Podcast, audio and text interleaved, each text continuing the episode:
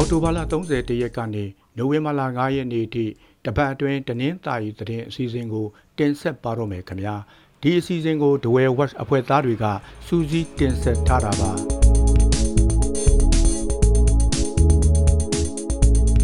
မြိတ်မြို့နယ်တုံးပြောကြေးရွာမှာတိုက်ပွဲဖြစ်ပွားပြီးစစ်ကောင်စီဘက်ကထိခိုက်ဒေဆုံးမှုအချို့ရှိခဲ့ပါတယ် နိုဝင်ဘာလ2ရက်မနေ့ကဖြစ်ပွားခဲ့တဲ့တိုက်ပွဲမှာကြေးရွာအုပ်ချုပ်ရေးမှုအပါအဝင်စစ်ကောင်စီတပ်သားတွေထိခိုက်ဒေဆုံးတာရှိတယ်လို့ဒေသခံတွေကပြောပါတယ်။အဲ့ဒီရွာရှိစစ်ကောင်စီကင်းစခန်းနဲ့အုပ်ချုပ်ရေးမှုတဲခိုနေတဲ့နေအိမ်ကိုပြည်သူ့ကာကွယ်ရေးတပ်ကလာရောက်တိုက်ခိုက်ခဲ့တာလို့ဆိုပါတယ်။အဲ့ဒီတိုက်ခိုက်မှုမှာစစ်ကောင်စီခတ်အုပ်ချုပ်ရေးမှုတေဆုံးခဲ့တယ်လို့ပြောပါတယ်။ စစ်ကောင်စီကင်းစခန်းတိုက်ခိုက်ခံရတဲ့ဖြစ်စဉ်မှာဒုအရာခံဗိုလ်တဦးတေဆုံးပြီး9ဦးထက်မနည်းဒဏ်ရာရခဲ့တယ်လို့ဒေတာခန်တွေကပြောပါတယ်စစ်ကောင်စီတပ်ကတေဆုံးဒဏ်ရာရတာနဲ့ပတ်သက်ပြီးတီးခြားအတီးပြုချက်မရသေးသလိုပြည်သူ့ကာကွယ်ရေးတပ်ဘက်ကထိခိုက်တေဆုံးမှုရှိမရှိကိုလည်းမသိရသေးပါဘူးပြည်သူ့ကာကွယ်ရေးတပ်တွေပြန်ထွက်သွားချိန်မှာတော့စစ်ကောင်စီတပ်ကလက်နက်ကြီးလက်နက်ငယ်တွေနဲ့အဆက်မပြတ်ပစ်ခတ်ခဲ့တယ်လို့ဆိုပါတယ် မြိတ်ခရိုင်တဲကပလမြို့မှာလဲမြို့နယ်ထွေအုပ်ရုံးဟာနိုဝင်ဘာလ2ရက်နေ့မနေ့စောစောကဒုတိယအကြိမ်ဘုံပစ်ခံရပြီးမီးလောင်သွားတယ်လို့ဒေသခံတွေကပြောပါတယ်ပလမြို့ထွေအုပ်ရုံးနဲ့ကပ်နေတဲ့မိသက်ရုံးလဲမီးလောင်သွားတယ်လို့ဆိုပါတယ်ဒီဖြစ်စဉ်မှာလူထိခိုက်တာမကြားရဘူးလို့ဒေသခံတွေကပြောပါတယ်အောက်တိုဘာလ16ရက်နေ့ကလည်းအဲ့ဒီအဆောက်အုံနှစ်ခုကိုဘုံနဲ့ပြစ်ခတ်တိုက်ခိုက်ခံခဲ့ရပါသေးတယ် ရေဖြူမြို့နယ်နဘူးလေဒေသရှိတဝဲအထူးစီးပွားရေးဇုံတဲကိုစစ်ကောင်စီတပ်တွေစစ်ကြောင်းထိုးဝင်ရောက်လာလို့ဒေသခံတွေထွက်ပြေးတိမ်းရှောင်နေရတယ်လို့ဆိုပါတယ်။နိုဝင်ဘာလ2ရက်နေ့ကစပြီးစစ်ကြောင်းထိုးဝင်လာလို့အထူးစီးပွားရေးဇုံတဲကကြေးရွာ9ရွာကဒေသခံတွေတိမ်းရှောင်နေကြတာလို့ဆိုပါတယ်။စစ်ကောင်စီတပ်သားတွေဟာကား9စီးလောက်နဲ့ရှမ်းလန်းလို့ခေါ်တဲ့ ရေနဲ့စိတ်ကမ်းလမ်းကနေလက်နက်ကြီးလက်နက်ငယ်တွေပစ်ခတ်ပြီးဝင်လာကြတာလို့ဒေသခံတွေကပြောပါတယ်။တဝဲအထူးစီးပွားရေးဇုံစီမံကိန်းပြန်ဆနိုင်မှုအတွက်စစ်ကောင်စီဥက္ကဋ္ဌလာမဲ့ခရီးစဉ်ရှိလို့စစ်ကောင်စီတပ်တွေကြိုတင်နေရလာယူကြတာလို့ပြောဆိုမှုတွေလည်းရှိနေပါတယ်။စစ်ကောင်စီဥက္ကဋ္ဌဟာနိုဝင်ဘာလ၄ရက်နေ့ကတဝဲအထူးစီးပွားရေးဇုံကိုလာရောက်ခဲ့တယ်လို့စစ်ကောင်စီကထုတ်ပြန်ထားပါတယ်။ ခရီးစဉ်ရှိတဲ့အတွက်တဝဲခရိုင်ထဲရေဖြူမြို့နယ်နဲ့တဝဲမြို့မှာလုံခြုံရေးတိုးမြင့်ချထားတယ်လို့ဒေသခံတွေကပြောပါတယ်။ဒီလိုလုံခြုံရေးတင်းကျပ်နေတဲ့ကြားကပဲနိုဝင်ဘာလ၄ရက်နေ့ညနေကလောင်းလုံးမြို့နယ်နခန်တော်ရွာတင်းချိုင်းမုတ်ဝအရှိမှာဘုံပေါက်ကွဲခဲ့တယ်လို့ဒေသခံတွေကဆိုပါတယ်အဲ့ဒီနေ့ညနေကတင်းချိုင်းနာမှာဘုံထောင်ထားတယ်ဆိုပြီးလမ်းအုံပြုခွင့်ယာယီပိတ်ထားပြီးတနာရီလောက်အကြာမှာပောက်ကွဲခဲ့တာလို့ပြောပါတယ် ရေဖြူမြို့နယ်နဘူးလေဒေသကမူဒူးရွာဆရာတော်ဟာအလူအိမ်ကိုစွန်းစားကြွရာလမ်းခုလက်မှာပြစ်ခတ်ခံရပြီးဒဏ်ရာရသွားတယ်လို့ဒေသခံတွေကပြောပါတယ်ဆရာတော်ဟာမနေ့၄နာရီလောက်မှာရင်မောင်းအမျိုးသားတဦးမောင်းတဲ့ဗီဂိုကားအမျိုးအစားနဲ့ပရဒတ်ရွာကိုစွန်းစားကြွခဲ့တယ်လို့ဆိုပါတယ်ဒီလိုကြွချိန်မှာမူဒူးရွာနဲ့ထိန်ကြီးရွာကြားကတရနာမှာတနတ်နဲ့အပြစ်ခံရတာလို့ဒေတာခန်အချို့ကပြောပါတယ်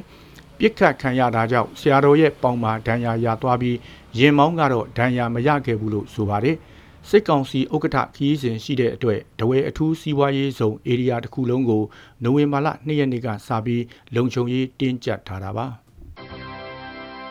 ပလောမြို့နယ်ပိတက်ရွာမှာ နိုဝင်ဘာလ၄ရက်နေ့ကတိုက်ပွဲဖြစ်ပြီးလက်နက်ကြီးကျလို့ရွာသား၄ယောက်ဒဏ်ရာရသွားတယ်လို့ဒေတာခန်တွေကပြောပါတယ်လက်ကူးရွာဘက်ကနေပလောမျိုးဘက်ကလာတဲ့စစ်ကောင်စီတပ်ကားကိုပြည်သူ့ကာကွယ်ရေးတပ်ကလမ်းကနေဖြတ်ပြီးတိုက်ခိုက်ခဲ့ရာကနေတိုက်ပွဲစဖြစ်တာလို့ဆိုပါတယ်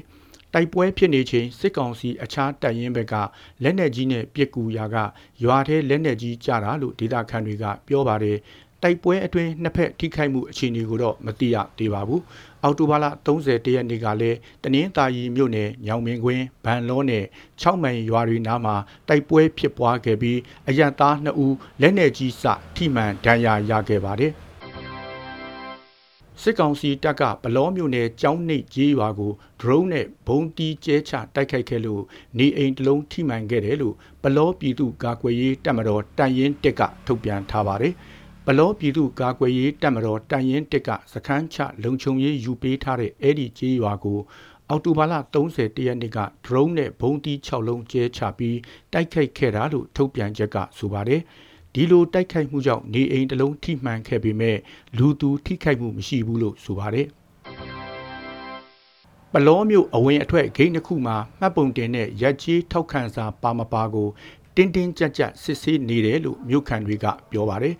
မှတ်ပုံတင်တဲ့ထောက်ခံစာနှစ်ခုစလုံးမပြနိုင်ဘူးဆိုရင်မြို့ခံတွေကိုတောင်ဖျက်ဆီးခွင့်မရဘူးလို့ဆိုပါတယ်ရက်ွက်အုပ်ချုပ်ရေးထောက်ခံစာကလည်းတရက်သို့မဟုတ်နှစ်ရက်ပဲတက်တန်းရှိပြီးတခါသွားလို့ရင်ငွေကျပ်တစ်ထောင်ပေးရတယ်လို့မြို့ခံအချို့ကပြောပါတယ်အခြားဒေသကနေပလောမျိုးကိုလာလေတဲ့သူဆိုရင်တဲခိုမဲ့အိမ်ရှင်ကိုဖုံးဆက်လာခေါ်ခိုင်းရပြီးလာခေါ်တဲ့သူမရှိဘူးဆိုရင်လှက်ပြန်ခိုင်းလိရှိတယ်လို့ဆိုပါတယ် တနင်္သာရီတိုင်းဒဝဲမြို့ရှိဟိုတယ်ဒဝဲပိုင်ရှင်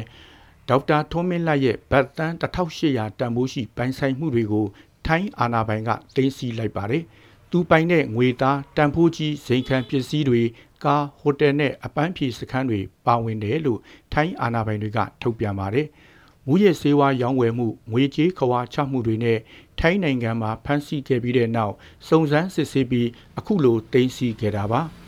မြန်မာစစ်တပ်အတိုင်းဝိုင်းနဲ့နှီးဆက်တဲ့ဒေါက်တာထွန်းမင်းလတ်ရဲ့ငွေကြေးခွာချစီးဆင်းမှုတွေကို2019ခုနှစ်ကတည်းကထိုင်းအာဏာပိုင်တွေခြေရာခံပြီးစုံစမ်းနေခဲ့တယ်လို့ဆိုပါတယ်။အခုနှစ်စက်တင်ဘာလမှာတော့ထိုင်းနိုင်ငံသား3ဦးနဲ့တူဖမ်းဆီးခဲ့တာပါ။ထိုင်းနိုင်ငံရနောင်းမြို့ရှိမြန်မာအလုသမား190ကိုအောက်တိုဘာလ29ရက်နေ့ကကော့တောင်းဘဲချမ်းကိုပြန်လည်လွှဲပြောင်းပေးခဲ့ပါတယ်။ သူတို့ဟာထိုင်းနိုင်ငံတောင်ပိုင်းမှာအကြောင်းအမျိုးမျိုးကြောင့်ပြစ်ဒဏ်ကြခံရပြီးထိုင်းလူဝင်မှုကြီးကြပ်ရေးထိန်းသိမ်းရေးစခန်းတွေမှာထိန်းသိမ်းခံနေရသူတွေဖြစ်ပါတယ်။အောက်တိုဘာလ2ရက်နေ့ကလည်းမြန်မာအလုသမား180လောက်ကိုပြန်လည်လွှဲပြောင်းပေးခဲ့ပါသေးတယ်။တဝဲမြို့ကညုံရက်ွက်မှာနိုဝင်ဘာလ1ရက်နေ့ညနေက နေအိမ်မီးလောင်လို့အသက်86နှစ်အရွယ်အမျိုးသမီးကြီးတဦးသေဆုံးခဲ့ပါတယ်။အဲ့ဒီမီးလောင်မှုမှာနေအိမ်တစ်လုံးပဲလောင်ကျွမ်းခဲ့ပြီးအိမ်ရှင်အမျိုးသမီးကြီးသေဆုံးခဲ့တာပါ။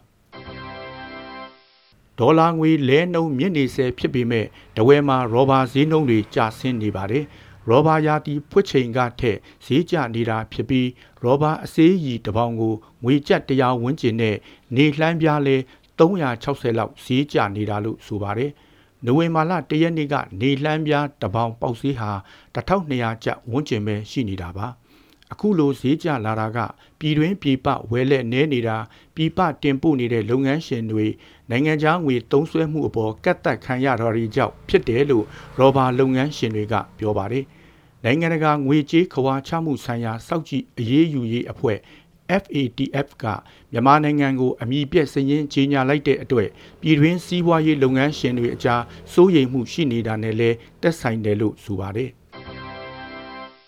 တဝဲမှာပဒင်းပေါက်တကားဘီရိုစတဲ့အိမ်သုံးပစ္စည်းတွေလုပ်တဲ့အလူမီနီယမ်ဆိုင်တွေမှာအလုတ်အပ်သူမရှိသလောက်နေပါနေပါတယ်။ ယမန်နှစ်နဲ့အခုနှစ်နှိုင်းရှင်ရင်အလုတ်အပ်သူတိတိတသားကျဆင်းသွားတာဖြစ်ပြီးရေရှည်ရပ်တည်ဖို့ခက်ခဲလာတယ်လို့အလူမီနီယမ်ဆိုင်ပိုင်ရှင်အချို့ကပြောပါတယ်ဒီလိုအခြေအနေတွေကြောင့်အလူမီနီယမ်ဆိုင်ရှင်အချို့ဟာဆိုင်ပိတ်ပြီးထိုင်းနဲ့မလေးရှားကိုရွှေ့ပြောင်းလုပ်သားအဖြစ်တွားရောက်လုပ်ကင်နေကြတယ်လို့ဆိုပါတယ်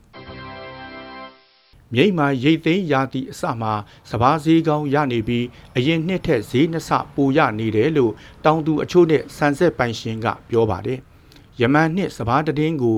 ငွေကျပ်6000လောက်ပဲပေါက်ဈေးရှိရာက အခုနှစ်မှာတော့ကျပ်12000လောက်အထိဈေးပေါက်နေတယ်လို့ဆိုပါတယ်။ဒါပေမဲ့စဘာစုပြုံထွက်တဲ့အချိန်ဆိုဈေးကျလာမှာကိုတော့လယ်သမားအချို့ကစိုးရိမ်နေကြပါတယ်။ ပြီးခဲ့တဲ့စိုက်ပျိုးရာသီမှာဓာတ်မြေဩဇာ73စီစတဲ့သွင်းအားစုတွေဈေးတက်ခဲ့တဲ့အတွက်စပားစိုက်သူနည်းသွားတယ်လို့ဆိုပါတယ်